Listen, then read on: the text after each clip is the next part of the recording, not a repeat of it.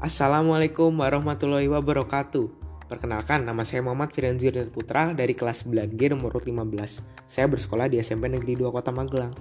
Pada kesempatan kali ini, saya akan membahas tentang perubahan sosial di berbagai bidang kehidupan masyarakat yang terjadi pada pandemi COVID-19 ini.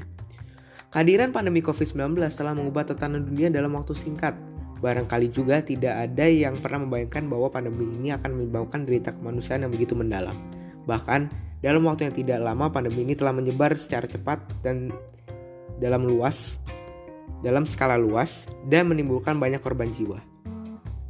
Berikut ini contoh perubahan sosial pada berbagai bidang kehidupan yang diakibatkan oleh pandemi COVID-19.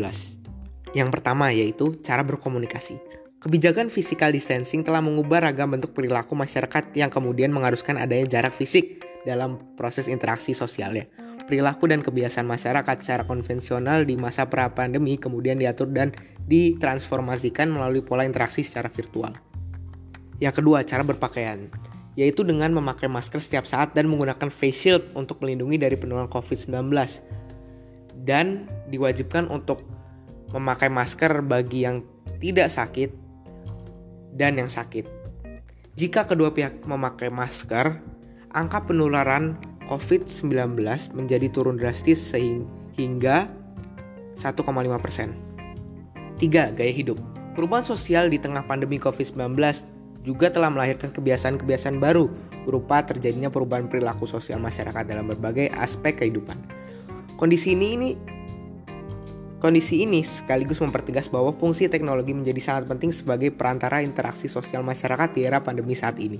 New normal seharusnya mengubah perilaku lama menjadi kebiasaan baru dengan memakai masker, menjaga jarak sosial maupun fisik, rajin cuci tangan, serta disiplin mengikuti protokol kesehatan. 4. Kesenian yaitu dengan cara membuat poster pemberitahuan tentang untuk memakai masker setiap saat dan pentingnya memakai masker.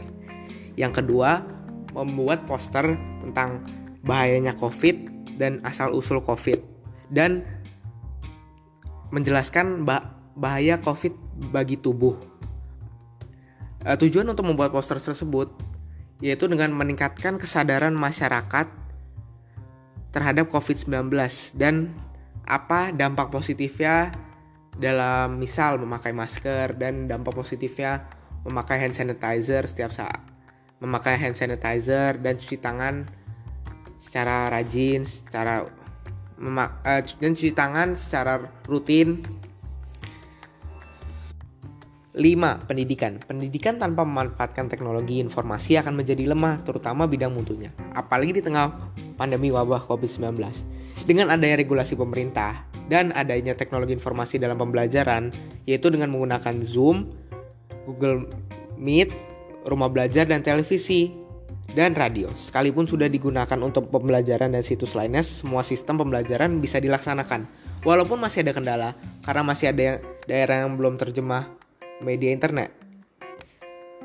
Kebi Kebijakan pemerintah yang menerapkan work from home bagi para ASN tentunya memiliki sejumlah dasar pertimbangan dan acuan dalam pemutusan kebijakannya. Dengan segala keterbatasan serta kondisi yang harus dihadapi pemerintah dalam penanganan COVID-19, pemerintah perlu untuk memahami dan mendukung metode work from home yang dijalani ASN. Dengan memanfaatkan media teknologi secara daring dan media lainnya yang sesuai dengan konektivitas internet yang di masing-masing satuan pendidikan. Sekian dan terima kasih. Bila ada kesalahan mohon dimaafkan. Bila itu wa hidayah. Wassalamualaikum warahmatullahi wabarakatuh.